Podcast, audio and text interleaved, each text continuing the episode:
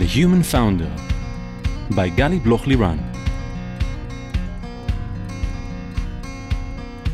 Hi, I'm Gali Bloch Liran, and welcome to The Human Founder, the podcast where we speak about the mental aspects of the entrepreneurial journey.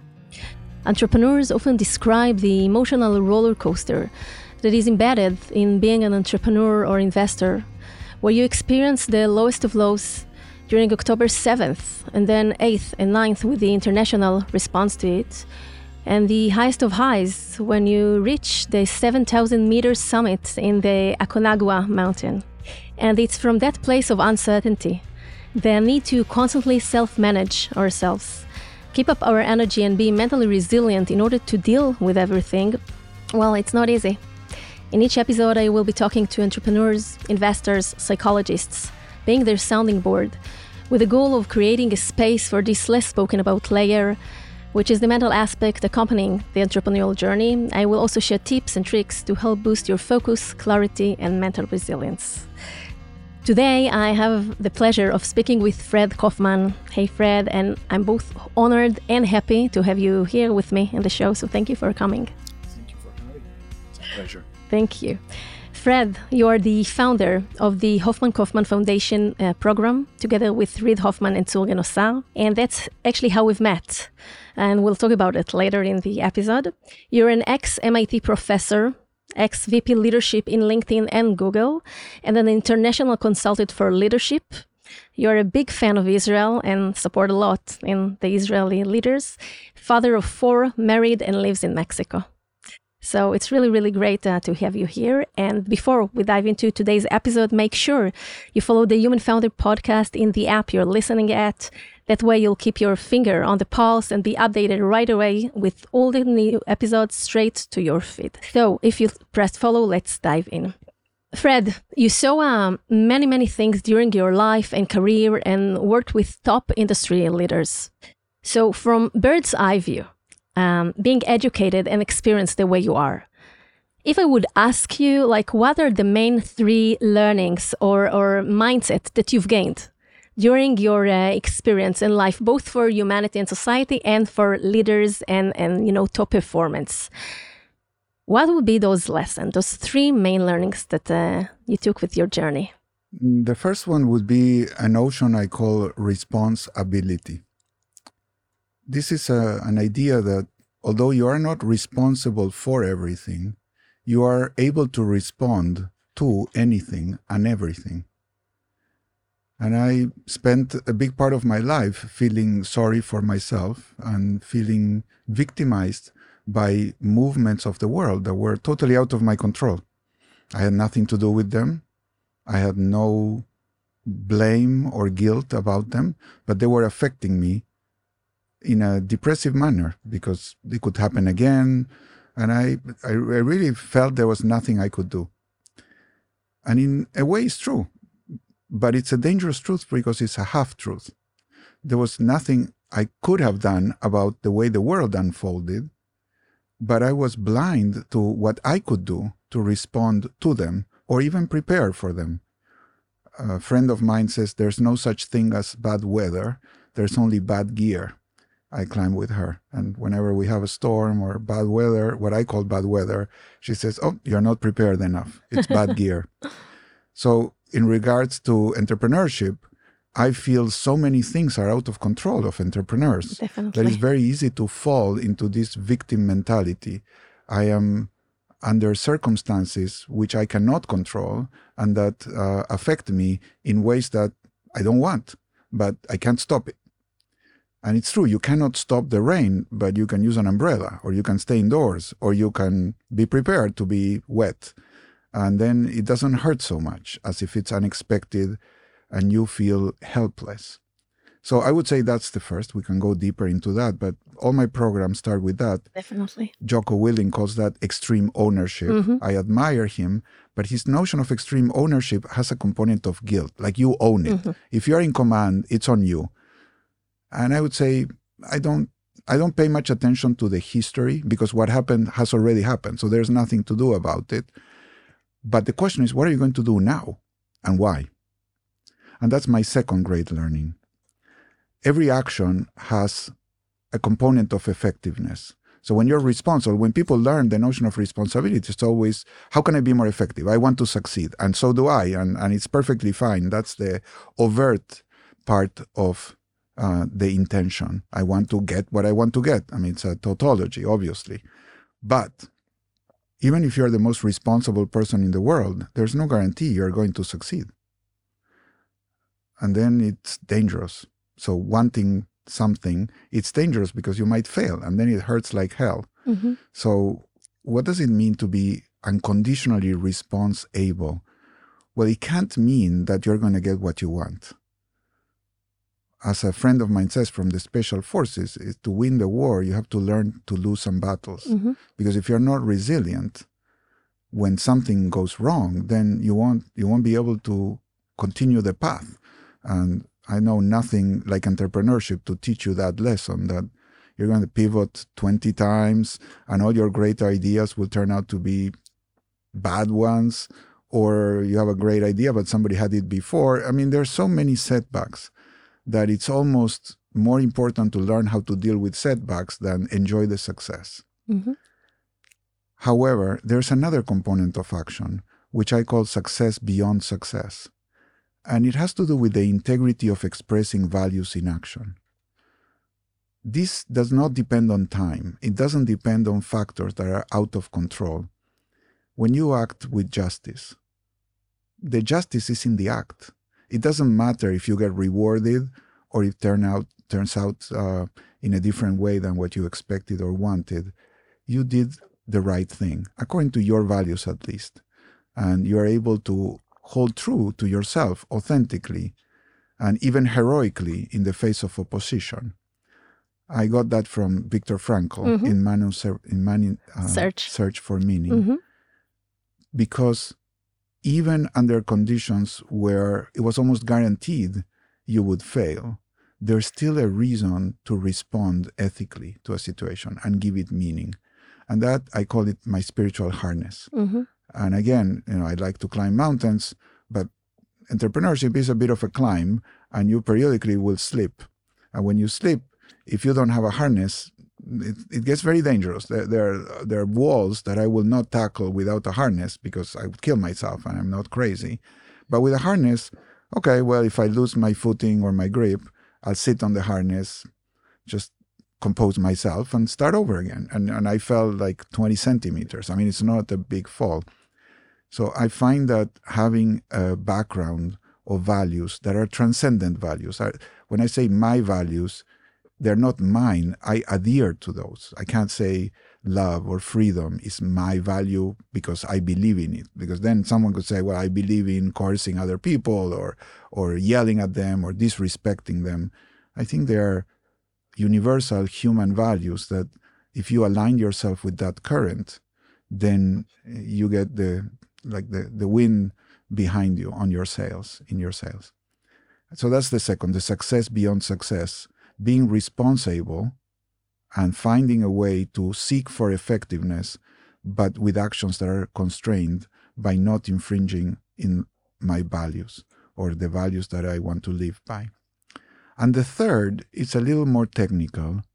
It's a mistake that most people uh, make. And I've, I would say from, from all my ideas, is the only one that is not a summary of other people's ideas. I'd say there's one thing, you know, as, a, as an academic and as an entre- entrepreneur, there's one thing that I'd say I developed. And this is, this is uh, I would say like my cocktail. I, I mixed it. Of course, the, the components are not mine. Of course. But I mixed this drink. And that is that it's very difficult to scale a company because when you're a small team, you have a perspective about the real objective of the company, which is to grow, to, to be profitable, and so on. But as you scale up, you start partitioning the company in different subdivisions. And a linear partitioning, meaning if you say, for example, in a soccer team, you have the offensive team and the defensive team, and you can give KPIs to each one about scoring goals and protecting the goal, doesn't work. Uh, The, the company, it's a complex non-linear system. So to optimize the system, it is necessary to sub optimize the subsystems. To do the best for the team, you can't try to do the best for any part of the team. Every player of the team has to subordinate his or her performance to the performance of the global KPI, which is, let's say, profits, or in a soccer game, winning the game. However, this system optimization objective it's not incentive compatible. You cannot control people. You cannot give them an organized set of KPIs because depending on what's happening, you would change. Uh, I was at a pilot's um, base uh, Mhm. two days ago. One of the instructors there said, You have to see, uh, he used the expression, Messima, Mhm. Leor Amatara. hmm You have to see the mission in light, light. of the objective. Not just the mission itself. Exactly. You cannot be mission driven. Uh, now, in English, mission is like the highest objective. But if we say the mission or many missions are subordinate to the global objectives, hmm and in business, people forget about the global objective and they say, I want to do my job. So I have a, a witty way of challenging people saying, I prove to you in 30 seconds that you don't know your job. Your job is not your job. hmm And people, I, I mean, they think I'm crazy. And I say, well, if you were a defensive player and I ask you what's your job, what would you say?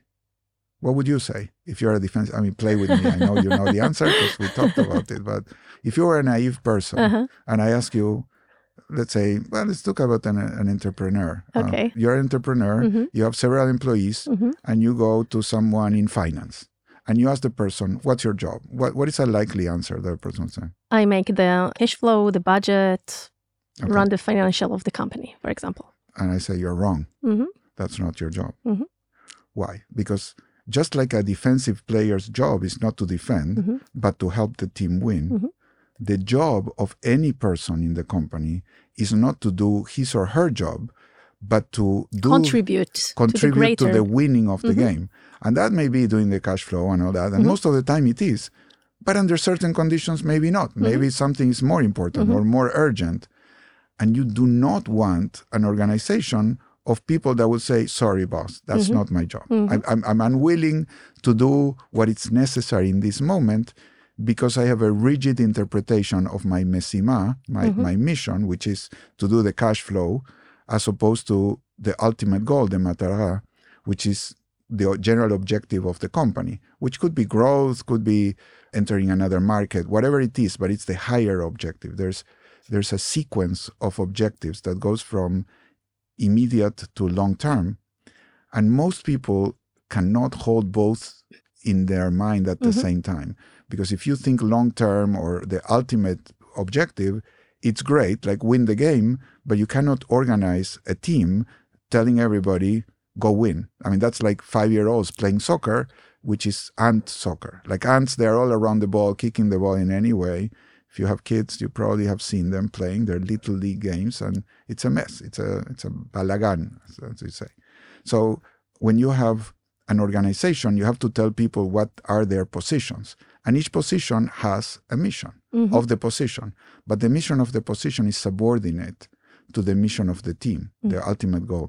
However, when you need to evaluate who's playing well, Mhm. it's very hard to evaluate or measure contribution to the global objective. That's a very complex formula. It's not even a formula. It's How- so complex, so many criterias and components into it Yes. that it's very difficult to calculate where the uh, responsibility begins and ends. And Uh, but it is the real measure. I Yeah. mean, your value to the team is your contribution to the success in the mission, to the success in the larger objective. yes, But since that cannot be measured, you measure a proxy. And the proxy is, well, how many goals did you allow? Or how many goals did you score? Or how many cash flows did you prepare? Or how accurate was your cash flow with respect to the real world, your projection with respect? I mean, some metric, which is an approximation, but not exactly the one you need. Because if you're losing, for example, in soccer 1 0, and there's five minutes to go, you want the defensive team to go on the offense. But if you evaluate them on how many goals they got scored against, they won't do it because they have to protect their goal. They they they will play for the KPI of and they won't play themselves and for- not for the KPIs of the company. Absolutely. the group. Exactly. So it's this is a real dilemma. Mhm. If you look at the company from the top down, the global objective demands subordination of each local objective. But if you look at it from the bottom up, to incentivize people to have accountability, you have to condition their evaluation or their compensation or rewards on their local objective because they, they can control the global objective. It's a complex formula and they have a small participation. There's lots of noise, random shocks. But when you look at this, then people work for their silos because they are optimizing for Mhm. their KPIs. So there's no easy answer. This is not a problem that can be solved.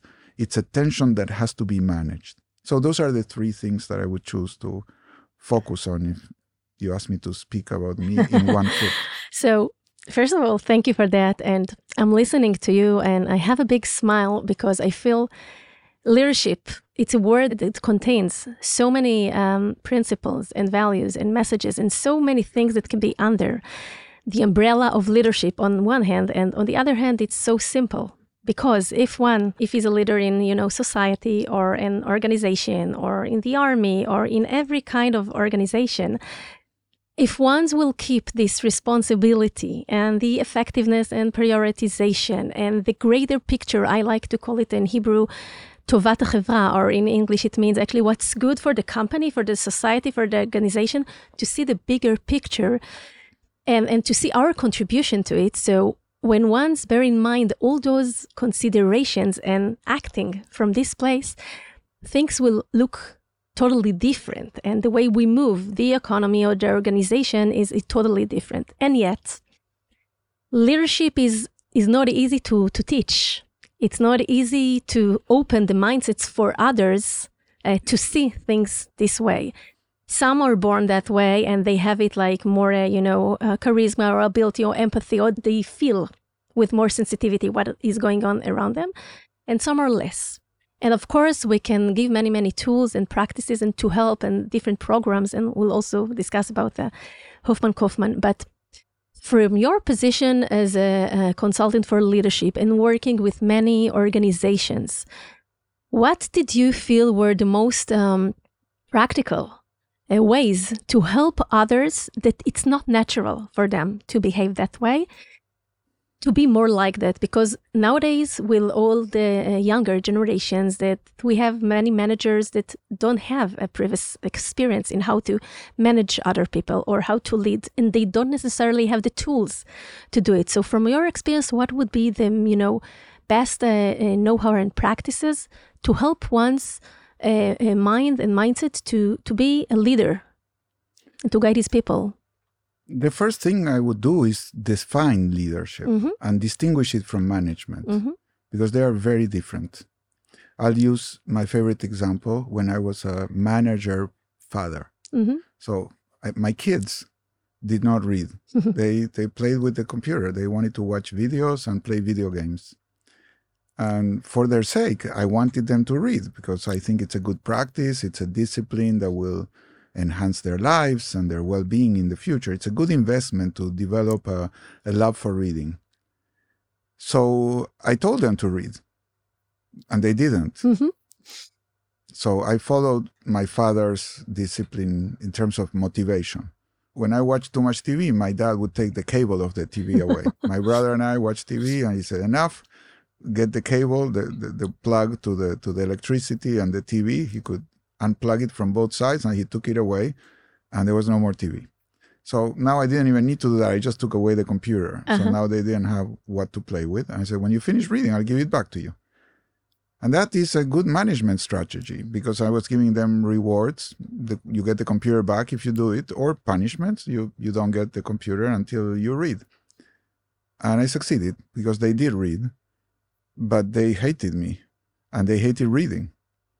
That was not a good thing. And I realized that as a manager, I could get them to read. But what I really wanted was to get them to want to read. I was not satisfied with them reading. So rewards and punishments, as the Beatles say, cannot buy you love. I, I, I thought maybe I'll pay them a dollar per page, and then they'll read. And yes, uh, it, it probably would work. You know, they wanted to buy video games, so Yeah, they, they could save they could save the money to to buy the video game and then they would read. But they would read only insofar as I gave them money. And the moment I stopped giving them money, they would say, finally, you know, we hated this, but we did it for the money. So you cannot buy love. How do you inspire love? Mm-hmm. And that's the question for a leader. How do you inspire people to want to do the right thing? Because when you're in a business, you don't even know what the right thing is. They would know better. So it's not like I'm telling my employees, uh, I want you to read. That would be maybe manageable and I could get them to read. I want you to want to read. That's much harder. But I'm saying something even harder is I want you to want to do the right thing. And you say, well, what is the right thing? I don't know. It changes all the time. I want you to be thinking what is the right thing for the ultimate goal and contribute in the best way you can, given all the information you have available, checking with other people. I want your best. And I want you to want to give me your best. That's a completely different problem. Completely different. It's two steps removed from the typical management, which says, I'm going to tell you what to do and then control you to see if you execute, mm-hmm. reward you if you do, and punish you or not reward you if you don't. That doesn't work. I mean, it's okay for management, but to get the best of people, you need to lead them. And the beginning of leadership is to realize you cannot do it from the outside.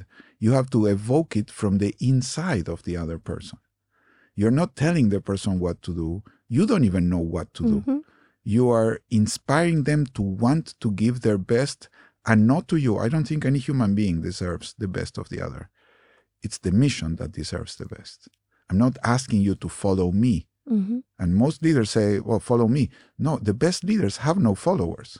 In my mind, the best leaders inspire people to follow the mission, not them. And it's a larger, bigger, more important goal than any human being following another or obeying to other. I think that's disrespectful and it's dangerous. No ego can withstand so Mhm. much adulation. Uh, you get corrupted. So I, I do tell people, don't follow me, follow the mission and give me permission to guide you on a conversation about what would be the best way in which we can follow the mission together. Because I have a higher perspective or my head is on the chopping block. You know, I invested my life and my money or the or the investors trusted me. Mm-hmm. So we'll talk about it equally because truth has no rank. But if we can't agree, I'll ask you to give me the opportunity to try my idea 1st just Mhm. because I'm paying the bill. Uh, and not because I'm right. You could be right. I can't prove to you that I'm right. You can't prove to me that you're right. So we need to break the tie. And I like the privilege of having the first right of refusal, so to speak. Uh, and if you give me that, then we're all good. And I never tell you you have to do it because I'm right and you're wrong. That's belittling the other. So teaching leaders how to teach in an engaging, inspirational manner, because that's that's what you're doing as a leader. You want to get what you cannot extract. You cannot extract that from people. They have to give it to you as a gift. And how do you inspire them to give you something as a gift? You say, well, it's not for me, it's for the mission. And this mission is something that ennobles you participating in it. And the values that we adhere to and that we're guided by in our pursuit of the missions are ethical, are inspirational, they make you proud, and you want to be in this community because we're a bunch of people that commune with universal values that make us very proud to be members of this community. We act with full integrity and we're pursuing a very loving mission because we want to be of service to others. That's what a for profit business does. You make money because people pay you more than what it costs you to produce, but they pay you all this money because it improves their lives. If you produce something that is not going to improve their lives, then they won't pay you. So business is totally based on the commitment to help other people flourish. That for me is the beginning of the teaching. Then there are all the techniques. How do you Mhm. do it? How you have the conversations? How do you discuss the opportunities with people and so on? But I this mean, is the essence. but this is the essence. And very few people, when I say this, no, a true leader has no followers. People over there, like, what? I mean, of course, a leader, a leader is the other side of the followers. No. So, so you know, I'm, I'm listening to you and I'm deeply inspired by what you say because I feel that uh, saying it out loud that it's not about ego, and that as a leader, it's not about me. I'm not the issue here. And the, best uh, thing that a leader, uh, you know, uh, can see, even if it's in a product meeting or in a team uh, members meeting, is that others will lead it and others will bring bring the ideas and like he can be silent or just listening in the side because it's not about him, and his success is his people's success or society, whatever. It's not about me, and it's not always easy for leaders to put themselves aside and to let others lead.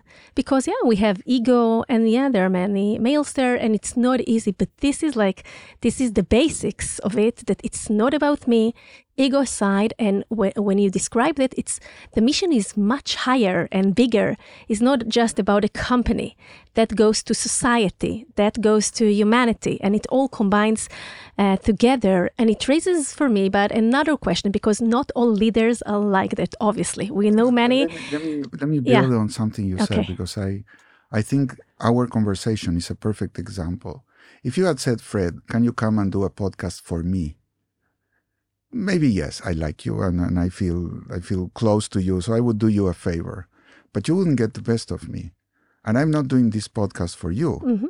We are doing this podcast together for the listeners, Mm-hmm. for the people that may benefit, even if mm-hmm. we don't know them. Mm-hmm. Doesn't matter. It's an act of service that you do the intention the intention Yeah. that you invited me to mm-hmm. participate in it's a, it's a noble intention so i'm here for that now within the podcast i do let you guide i don't have a point of view about the command structure. So in this podcast you ask the questions. Mm-hmm. I respond. I'll do my best. Mm-hmm. Why? Because you have more experience.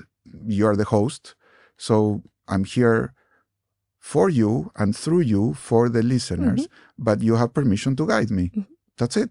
So it, it's not necessary that you say, well, Fred, let's talk about whatever you want. I would be like, I'm lost. I'm not sure what your listeners want. I need you to guide me.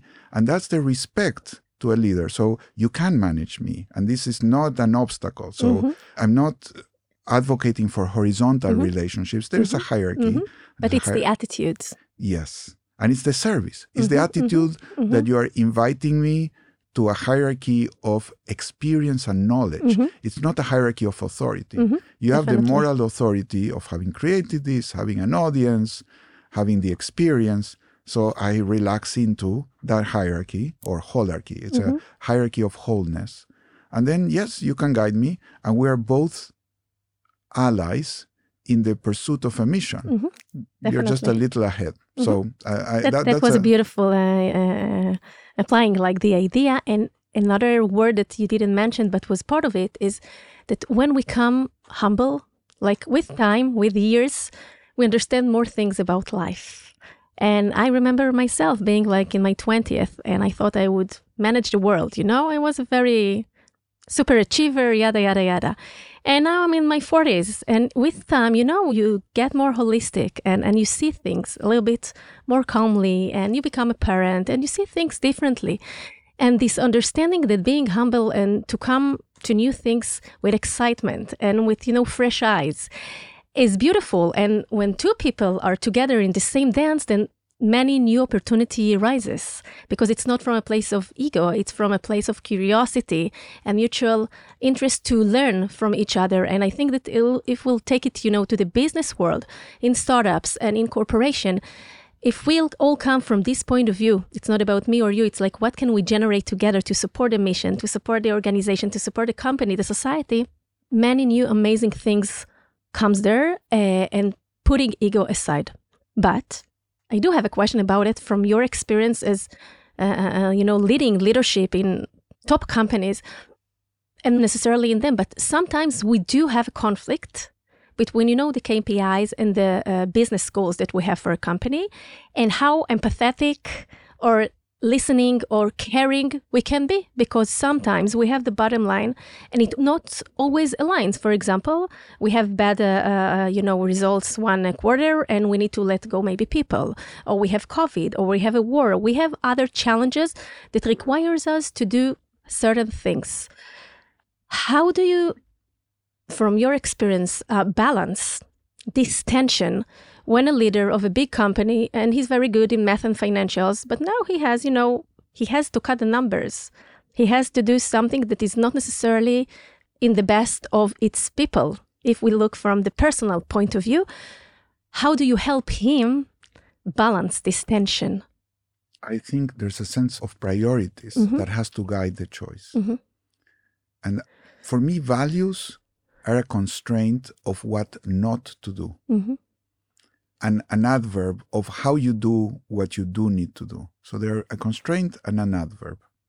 So you do it humbly, you do it empathetically, you do it responsibly, you do it lovingly, you do it compassionately. But it's the compassionately. The values don't tell you what to do. I mean, of course, you can't compassionately beat someone up. Yeah. You, you can't do it. It's Mhm. just a It's an contradiction. oxymoron. It's an Yeah. oxymoron, exactly. But you can compassionately fire someone if they are not performing or if there's not enough budget to hold everybody and some people you have to reduce the force. I, I mean, not not because of anything wrong they've done. There's a war, or the economy went down, or there's a challenge, and for the sake of the mission, you have to take actions that are not the ones you would prefer personally, but they are not unethical. Nobody has a, a promise that you have a job for forever. So Mhm. of course, if we have a contract Mhm. and there's a cost of breaking the contract, I will pay that cost and I have to do it. I have to evaluate that. And it's not a trivial thing to let people go, it's a heart wrenching decision. But this notion of servant leadership, I have a quarrel with that. It's you're, you're a leader to serve the people. And it's not true. I think that's a very dangerous misunderstanding. Servant leadership is you're there to serve the mission. Now, of course, you have to take care of the people to serve the mission. There's a phrase in the US Army that is mission first, people always. But the mission is first. I mean, if, I, if I'm in a unit and the commander says, my priority is no one gets hurt, I, I lose heart. I mean, that's not the priority. Of course, we want to avoid getting hurt. It's a objective uh, and it's a cost that we're trying to minimize. But the goal of the mission is not that no one gets hurt. The goal of the mission is to accomplish a particular result. So the service of the leader is to the mission. If you're in a business saying my objective is to give jobs, that's like saying my objective with a, with this car is to consume more gas. Mhm. No, you you It's you, not the right you, objective, You sell the yeah. gas. I mean, you sell the vehicle as lowering consumption of gas. Mhm. You're consuming resources that could be used in other places of society, in an open market, in an economy that's free to operate at its best. Employment is not a problem. Everybody is employed. So employing people means you're taking this pe- person away from the next best job that they could be doing. Mm-hmm. So if you can deliver the same result without needing this person, this is not harm to the person. Mm-hmm. This is a benefit to society that now has a free resource. Being proud of spending money, I mean, it's, it's crazy, but people say, no, I'm proud we have 100,000 employees. And what are you proud of? I mean, of course, if you need them, that's great. But the pride of the company is in serving the customers. Mm-hmm. The company is not to serve the people. The company exists to fulfill a mission of service to the market. The people are part of the company, like soldiers that are going to a battle. The goal is not to protect the soldiers. I mean, if you wanted that, just don't have soldiers and don't have a battle, and that's it. Unfortunately, there are some bad consequences of being unprotected. So, un- unfortunately, again, we need that and there's an opportunity to add value to society, perhaps let's go back to business, then this opportunity requires resources, but you want to minimize the resources you use. And whatever you do with people, you want to do it with the right adverb. So you don't treat people brutally. You don't treat people in a psychologically unsafe way. So, for example, if somebody offers an idea and you think it's not productive, Mhm. you can say, That's a stupid idea that is brutal in my mm-hmm. mind. That is um, callous. It's ruthless. Some people feel proud of being, you know, I just tell the brutal truth. I said, that's brutal, but it's not true. Because ideas are not stupid. Mm. Ideas, I call ideas stupid when I think they are counterproductive, mm. but it's my belief. Mm-hmm. And it's incredibly arrogant to say that without mm-hmm. understanding why the person thinks. So you say an idea, and I, I'm like, I don't think that's a good idea. but I realize that that's my opinion. Mhm. And I don't have a lot of understanding of why would you suggest that idea. So what is respect? Respect is ask it's not to say, oh, that's a really interesting idea, and inside to think this is bullshit. That that is being a hypocrite. Mhm. So I'm not suggesting hypocrisy. I'm suggesting genuine curiosity. This is part of the responsibility to understand, to fully understand what the other side Absolutely. means to. Yes, absolutely. Exactly. So when I hear the idea and I have a reaction, I notice this is my reaction. I have to Mhm. manage myself. Mhm. And it's a quick reaction, it's intuitive. And, you know, I've never met an idiot that thinks like I do. Never. So the question is do I think they're idiots because th- they don't think like me? Or is it that when they don't think like me, I think of them as idiots? What, what is first? And I believe it's pride that leads me to insult them or insult their ideas by not listening. So if you tell me an idea and I have a reaction, I would bite my tongue and I'll say, I'm baffled or I, I don't understand your idea. How is that driving us to accomplish the goal? And there are two possibilities. Maybe you tell me your thinking and you convince me, and I haven't lost anything. Mhm. So now I can challenge We're you mutually earned. in a, exactly in a, in a in an open manner without loss. And if you convince me, I say, you know, I didn't understand it, but now that I do, I love the idea. Great. Or maybe you explain to me, and I see a problem in an inference you've made, or in a logical connection, or a piece of data that you're using. I think it's unreliable, or it's different than the one I I have, and I can tell you, you know, this. Wh- Where did you get that information? Because I, I have the opposite information, or I have different information, and we can talk about it. And maybe you are right and I'm wrong or maybe I'm right and you're wrong, but you would discover when you see my information, it's like, oh, I made a mistake. Now, of course, if that's the truth, then I don't I don't like my idea anymore, and we're together. If we can't convince one another, I can still be open and say, yep, you know, this is a very difficult issue. The data is not conclusive. We can draw the opposite inferences, and they're both justified. So we have a mystery, and we have to make a bet Mhm.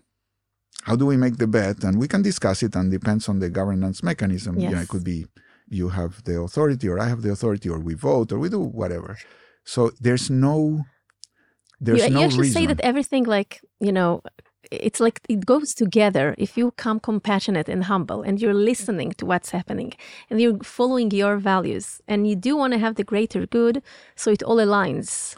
yes and, and it still doesn't feel good like we, we could have a, Mhm. a performance conversation where i tell you this is not working for me Mhm. i'm not getting from you the service that i expect or i need and But you'll do it in a compassionate I- I- and I'll do it, respectful I, am way. not going to yell at you. I'm not going to say, you moron, you screwing up. Mhm. No, I would say, this is not working for me for this and these reasons.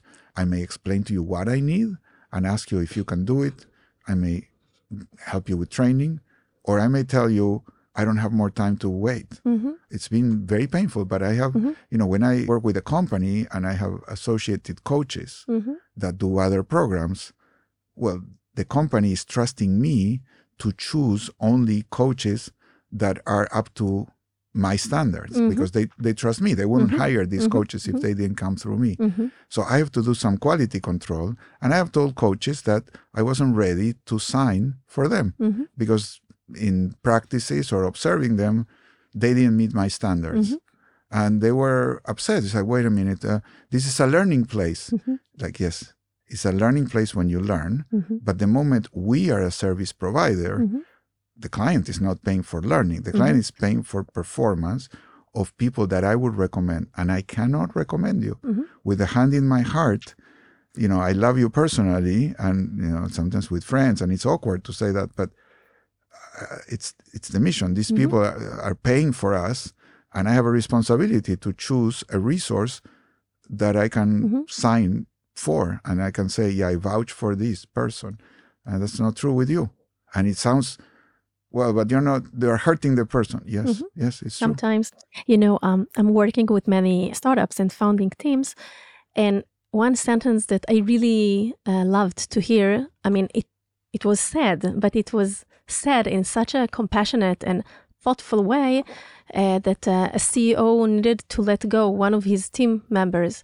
And he told him in a very, very authentic and, and candor way that he feels he can't be the best CEO possible to this mission because he doesn't feel he can work in the best possible way when this is like what happens from the other side. And he took full you know responsibility about his activities what can he do etc he didn't put it on the other person but he said in order for me to lead this company and to stand in front of the board and to be responsible for the mistakes the bad uh, decisions i have to own it and i cannot be the best ceo i can if i wouldn't do this and this and this and this is like a very good example, to my opinion, of uh, what you're saying. You spoke about other coaches. So when we prepped uh, for this session, you told me, Gali, ask me whatever is interesting for you.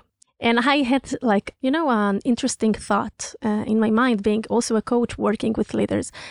And you have so much experience and so many years that you're doing it. And I remember um, now with everything that is going on here, etc., one of the questions in general in mental health and, and you know we have a crisis in the world no one therapist etc etc and i asked the question who uh, takes care of the therapists okay so i'm bringing this question back to here you worked with so many people you guide so many people what were the points in life that you felt that you needed someone else to listen to you to help you uh, reflect if you gave the good advice if you were at the best performance you could be in the same moment.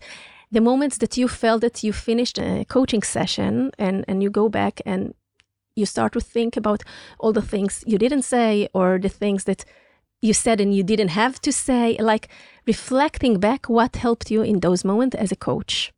Always and never. Always because there is no point at which I couldn't use help to make it better. It's always possible to mm-hmm. improve. Mm-hmm. So I can always use a reflective partner that would help me get better and ask me those questions. What did you like about the session? What are you missing? If you were going to do it again, what would you do?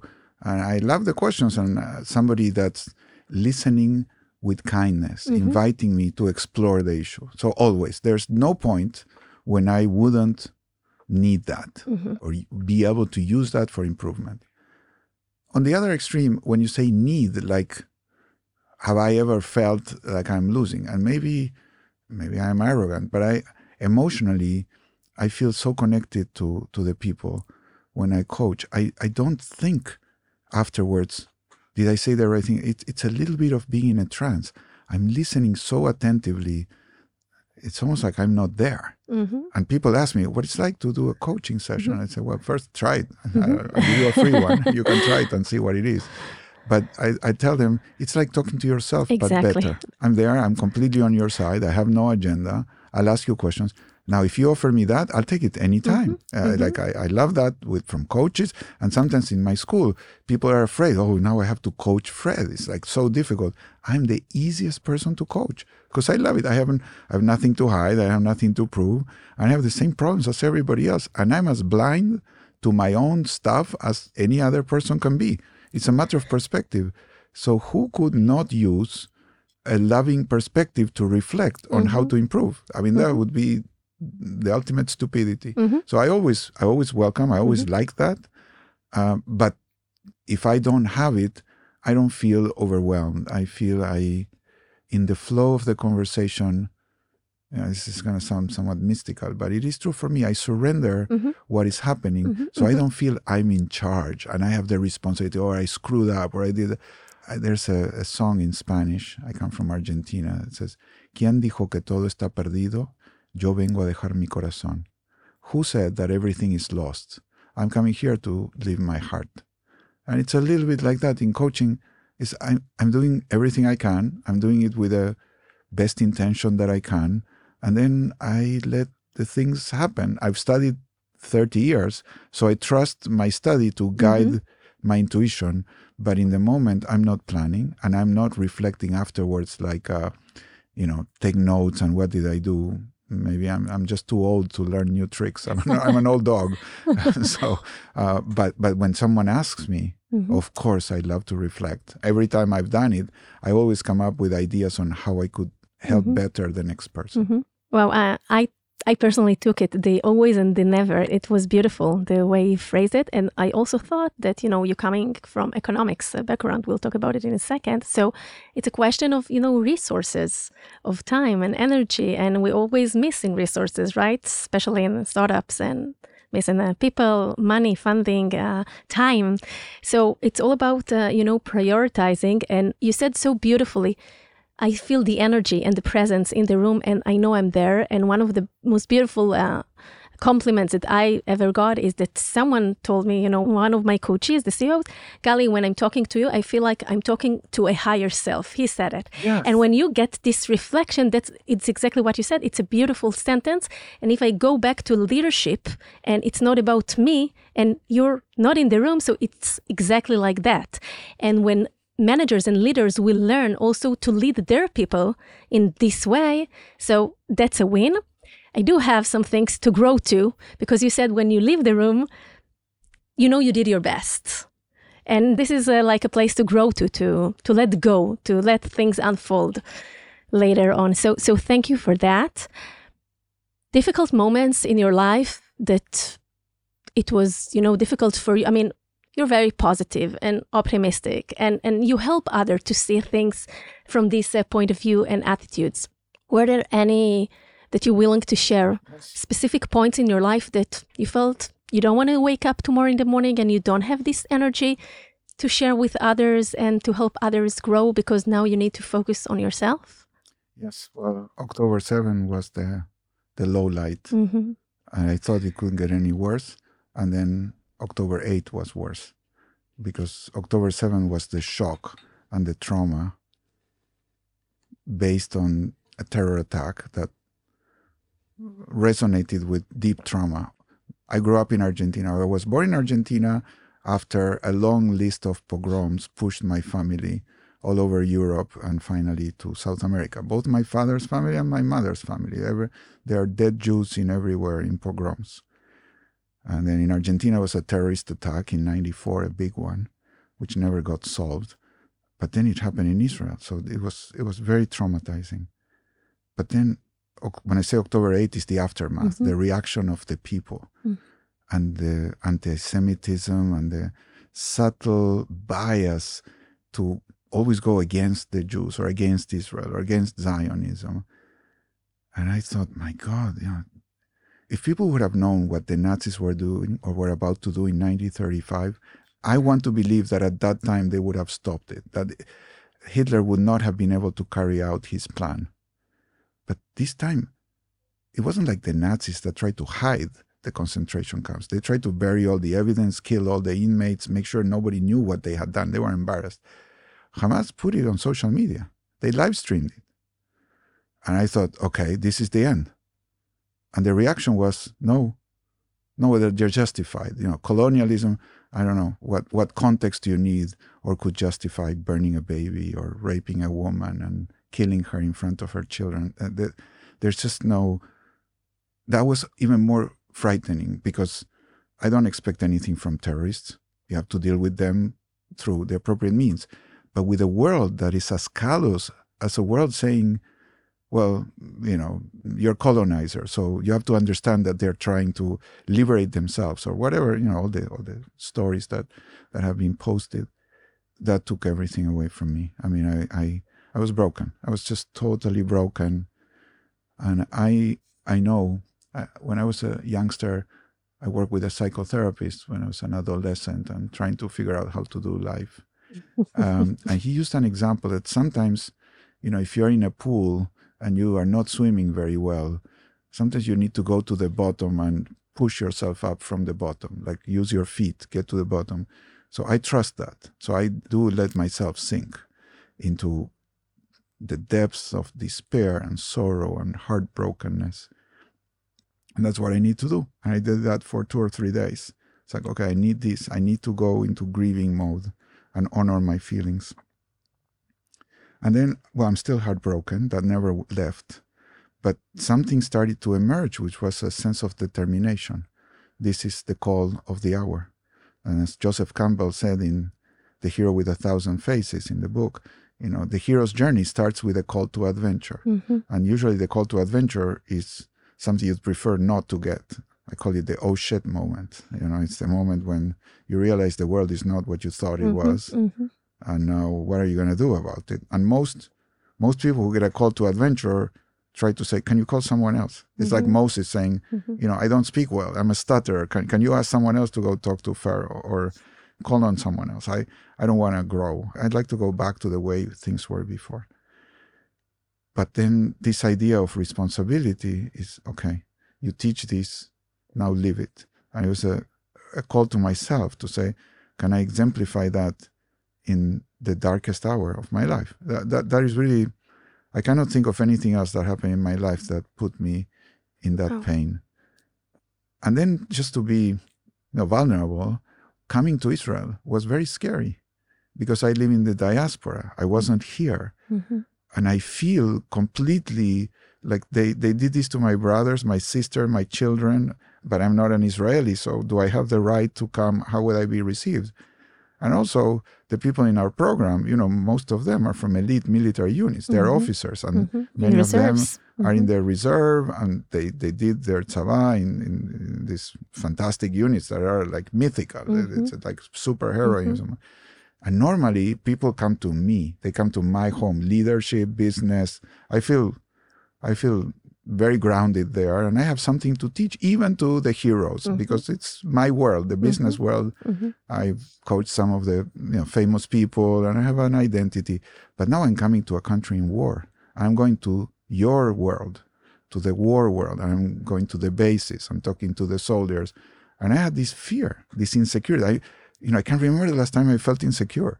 It's a, it was a weird feeling. Uh, maybe the, when I started teaching at MIT, my first class, like, oh, these MBAs, I'm afraid of the MBAs. I was just a new professor.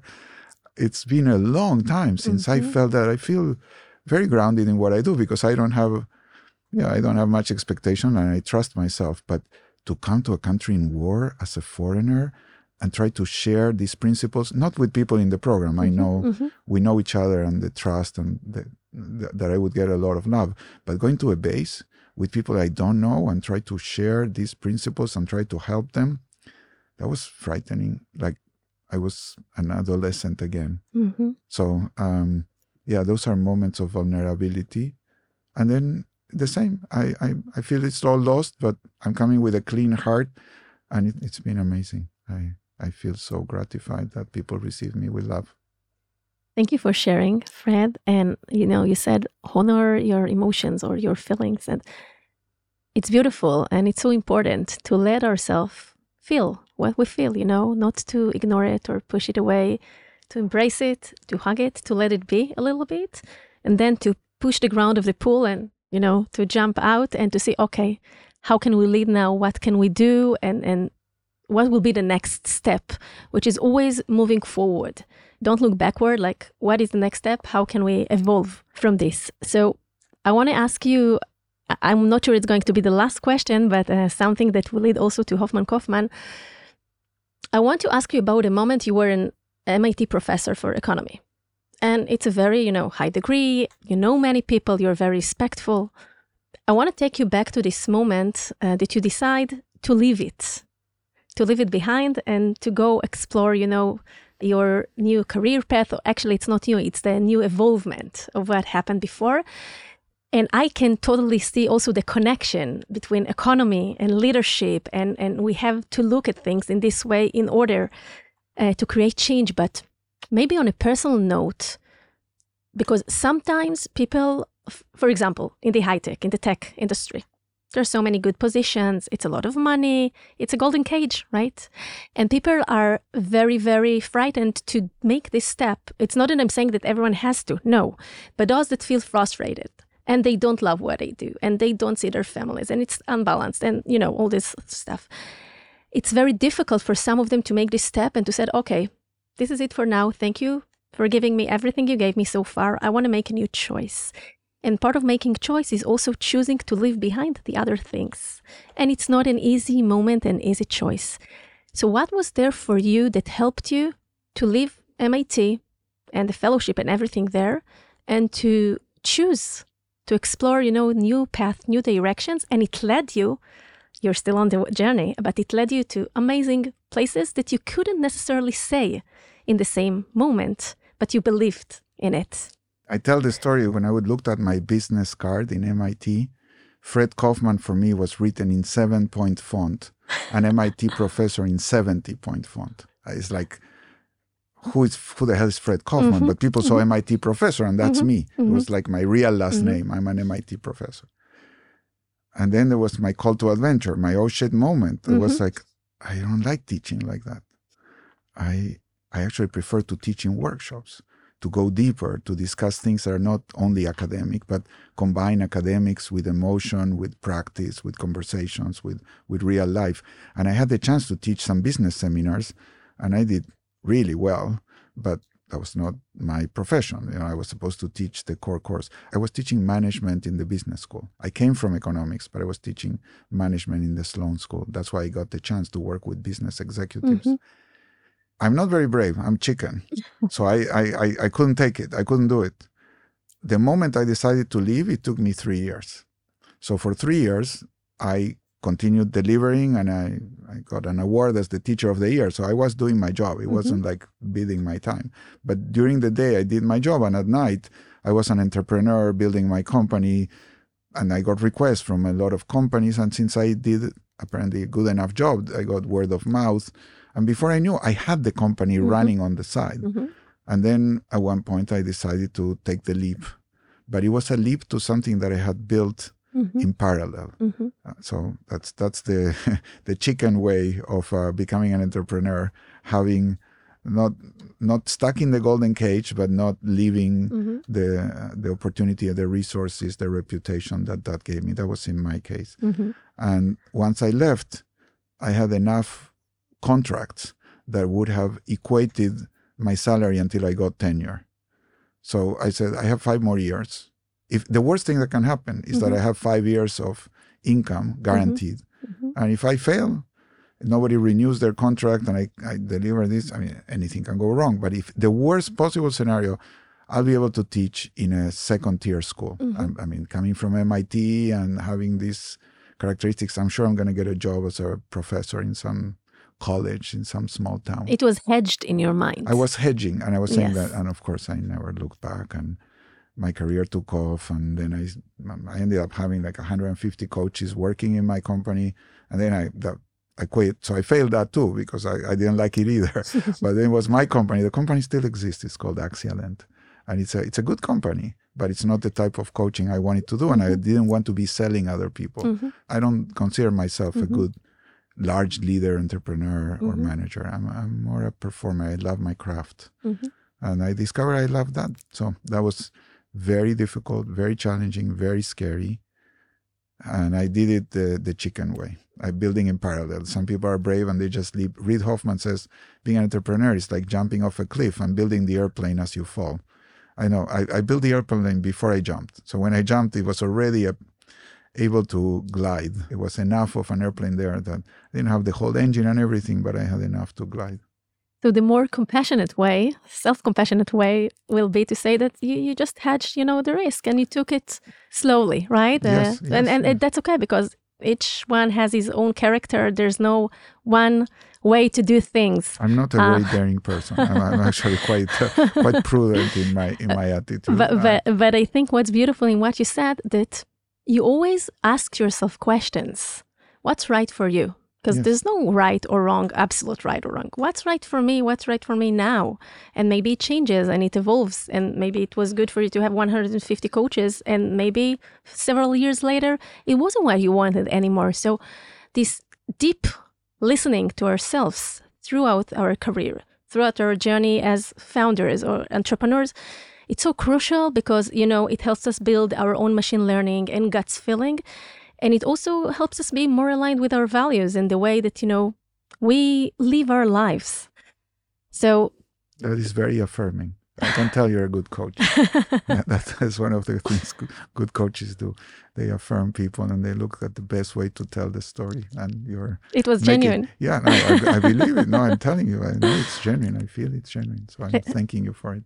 Thank you. And maybe before we hit the pause button, a few words because this is actually where I got uh, to meet you and, and get some gain some of your knowledge and perspectives. What pushed you to found Hoffman Kofman Foundation together with Reid Hoffman and together with Zur Genosar? Maybe in short, like how this idea actually came into reality and what was the power or the energy that made you feel that this is the next thing that you need to take, the next step, and, and the, maybe uh, something that you want to live in this world? I had a, a dream for a long time, which is to work with people that would combine the courage and the heart of a warrior with the spirituality of a monk and the compassion and the love of a monk and the intelligence and the application of wisdom like an engineer. Wow. So I wanted I wanted to work with people like that. Now, I didn't feel I could teach the principles of engineering or business um, like they do in the university. So I went to the University of Engineering and I started working with people there, trying to teach them about philosophy, stoicism, mm-hmm. values, mm-hmm. and some ideas you know, from Jocko Willink and other warrior mentality. Not not because of the war, but because of the courage to confront difficulties and get through and, and, and have the stamina to to challenge yourself and challenge the status quo.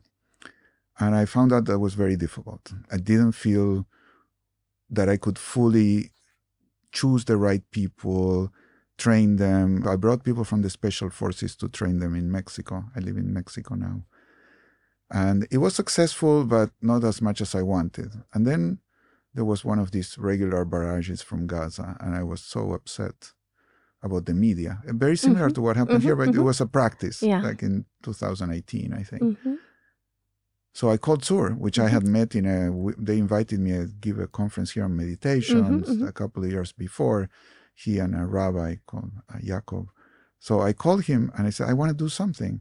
I, I had no idea that he was the son of a very prominent figure in the yeah. Israeli security establishment, Yossi Ginosar, who was part of Rabin staff and mm-hmm. connected with Arafat and all that. And he had connections with all the uh, alumni networks mm-hmm. of the elite Elites. units. Yeah. So we came up with the idea. It's like, okay, why don't we start with the warriors that have the heart or the, the people in intelligence uh, operations, and we let the state of Israel help us vet the candidates by choosing the best of the best of the best according to the selection criteria of these military units. And then we build on that. And that's how Hoffman Kofman emerged. I, I talked to Reid. I told him this was a dream and to help Israel by adjusting the, I would say, the leadership skills people mm-hmm, learn mm-hmm. in the mm-hmm. military units, but turning it them. to civilian yeah. entrepreneurial mm-hmm. life and, and give them this also opportunity to not feel disconnected from their emotions. Even being a warrior, your source of strength comes from being in touch with yourself and with something that transcends you. Mm-hmm. That's how it started, and that's how we're doing. And it's a wonderful opportunity to contribute, to be of service in something that I can add, I think, some value, and then be in company of extraordinary people that then go out and do good in the world. Mm-hmm. It, it's like my project, like in this mm-hmm. movie, Paid Forward. Mm-hmm. You know, you, you help three people yeah. and they ask them to help three people in instead of paying you back, paying it mm-hmm. forward. Mm-hmm. Well, that's the idea of the program. We just ask people, there's nothing back. It's it's totally free for, mm-hmm. for the participants. It's subsidized by Reid and by my effort. And then people go out into the world and do good things. I would say that's the payment. You just do something good and let me feel that I'm a part of this, mm-hmm. that, that I, mm-hmm. I, take some pride that when you help people, we help you get to the point where you could help other people. Mm-hmm. And, and, you bring uh, contributed yourself. Yes. Is this kind of closure for your childhood uh, in Argentina as a Jew and the feelings that you had there that some of it was you felt helplessness and now you can turn it into you know doing and helping others and leveraging you know other skills and, and abilities into doing good in the world it was it was very therapeutic for me and mm-hmm. it is very therapeutic mm-hmm. for me as i said there was this uh, terrorist attack in argentina in 94 and even today 30 years later in the anniversary people will go with posters mm-hmm. in front of the Congress asking for justice because nothing has happened. Mm-hmm. There is mm-hmm. no justice. And well, there's a long story, but there's no justice. Israel seek justice immediately. And we don't have to go beg another government. Mhm. This is our country. And even if I don't live here, I feel this is my country and I, I adhere to it. It's not mine like I own it, but I feel such kinship with people here. As I take pride of helping them, I hope they also take pride in being the platform on which the whole world, the Jewish world, is based. I, the world for Jews would be totally different if Israel wasn't here. So it's not just the homeland for the Jews that live here and the Arabs too, the mm-hmm. Israelis that live here, but it's it's a homeland, I think, for all the Jewish people that Israel has our backs. I mean, that's how I feel. I'm being here, and now I don't feel helpless. I feel I can do Mhm, something, even mhm. if it's to help the people that are in the front lines, to tell them how much I appreciate them and to contribute any way I can. And once we're doing, we're feeling much better. This is the one step forward. And on a personal note, I want to thank you also for being part, you know, of this program and being an alumni. And I've learned and gained so many insights and knowledge and new friends and really so many really amazing lessons that I'm taking with me and it helps me evolve because I mean we can never stop evolving you know? It's like there's always something new to find out on ourselves on our surrounding on our energy on the world. So it's like an endless uh, journey until we die. Uh, so thank you also for all your efforts and It doesn't stop when you die. it's an endless journey. this is to the next uh, Yeah, podcast the next fred it's an endless journey. it's an, I agree I, I, accept, period. I accept the correction Uh, Yes, Yeah. I, I, I want to even double down. Yes, double down in the tech we like to double down especially Yes. these days exactly. Fred, thank you so much for coming here. I know the schedule is so packed and for sharing all those, you know, thoughts and, and notes and insights and trying to understand better what is leadership and how can we be, you know, better leaders and serve others and put the ego aside and, and help companies, help society.